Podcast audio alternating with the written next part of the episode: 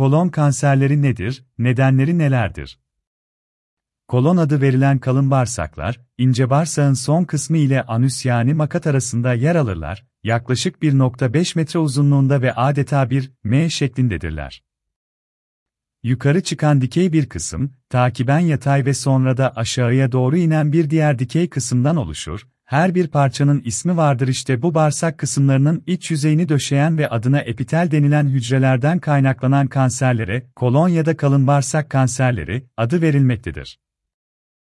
Kolorektal kanserlerin dağılımına bakıldığında %25 sağ tafata çıkan bölümde, %15'i yatay. Bölümde, %5'i sol taraf inen bölümde, %25 S şeklini alan ve sigmoid kolon denilen aşağı kısımda, %10 sigmoid ile rektumun birleştiği rektosigmoid bölüm, %20'si de kalın bağırsağın en alt tarafında yer alan rektumda yerleşir. Rektal kanserlerle birlikte erkeklerde bronş ve prostat kanserinden sonra 3. sırada, kadınlarda meme kanserinden sonra 2. sırada yer almaktadır.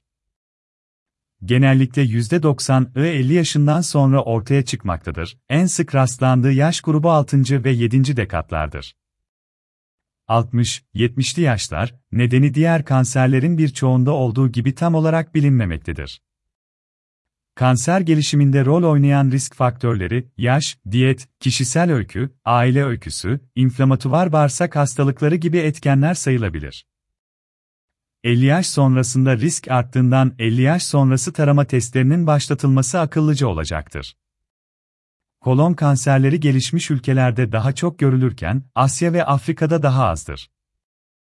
Özellikle şeker, karbonhidrat gibi yüksek kalori içeren besin maddeleri ve kırmızı et, hayvani yağ gibi gıdaların kolon kanserinde etkin olduğu gözlenmiştir. Oysa oleik asitten zengin diyet, zeytinyağı, balık yağı ve B gibi besinlerde bu risk artmamaktadır.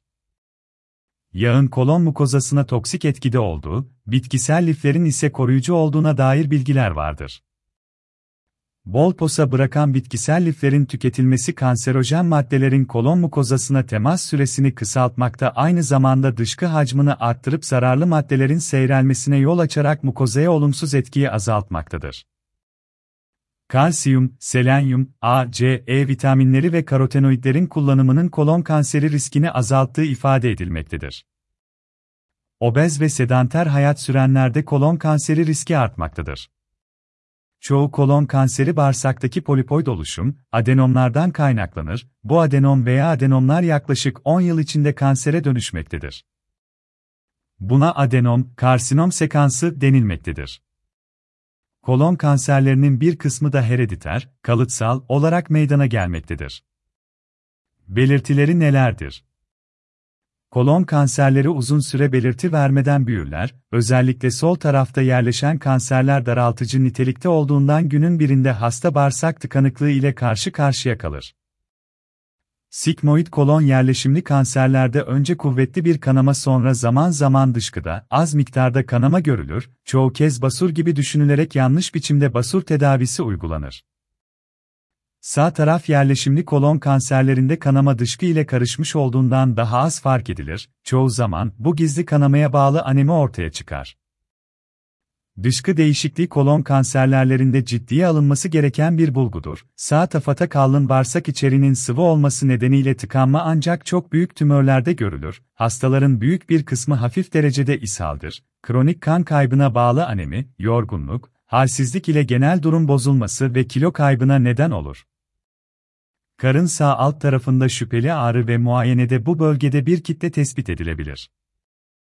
Sol kolon daha dar ve içeriği daha katıdır, bu nedenle tıkanıklık daha çok görülür. Önceleri kabızlık ortaya çıkar ancak tıkanıklığın üstünde sıvı birikimi nedeniyle ishal görülür. Bir kabız bir ishal döngüsü anlamlı bir bulgudur, karında gerginlik, kolik şeklinde ağrı ve müküstü kanlı dışkı nedeniyle hasta kendini iyi hissetmez ve kilo kaybeder. Her anal kanamada özellikle 40 yaşın üzerinde olan kişilerde kolonoskopi yapılmalıdır. Böyle hastaların %10 kadarında kanser tanısı konulmaktadır. Tanı Kolorektal kanserlerde 5 yıllık yaşamın erken evrelerde %90 iken ileri evrelerde %5 düzeylerine düştüğü göz önüne alınırsa erken tanı ve tarama programlarının nedenli önemli olduğu görülmektedir. Ortalama risk ve yüksek risk grupları belirlenerek her grup için farklı tarama programları protokolleri önerilmektedir. Kayıtada gizli kan testi. CA, karsinoembriyonik antijen. Rutin kan biyokimyası. Çift kontrastlı, havambaryum kolon grafisi. Kolonoskopi. BT ya da MR kolonoskopisi, sanal kolonoskopi. Ultrasonografi, bilgisayarlı tomografi, MR tetkik. Pozitron emisyon tomografisi, PET-CT. Kolorektal kanserlerin tanısında yer almaktadır. Tedavisi nasıldır? Tedavide önce cerrahi sonra kemoterapi veya önce kemoterapi sonra cerrahi daha sonra tekrar kemoterapi gibi farklı uygulamalar söz konusudur. Kanserin yerleşim yeri, evresi, uzak metastaz yani yayılım meydana getirip getirmediğine göre uygun tedavi modalitesine karar verilir.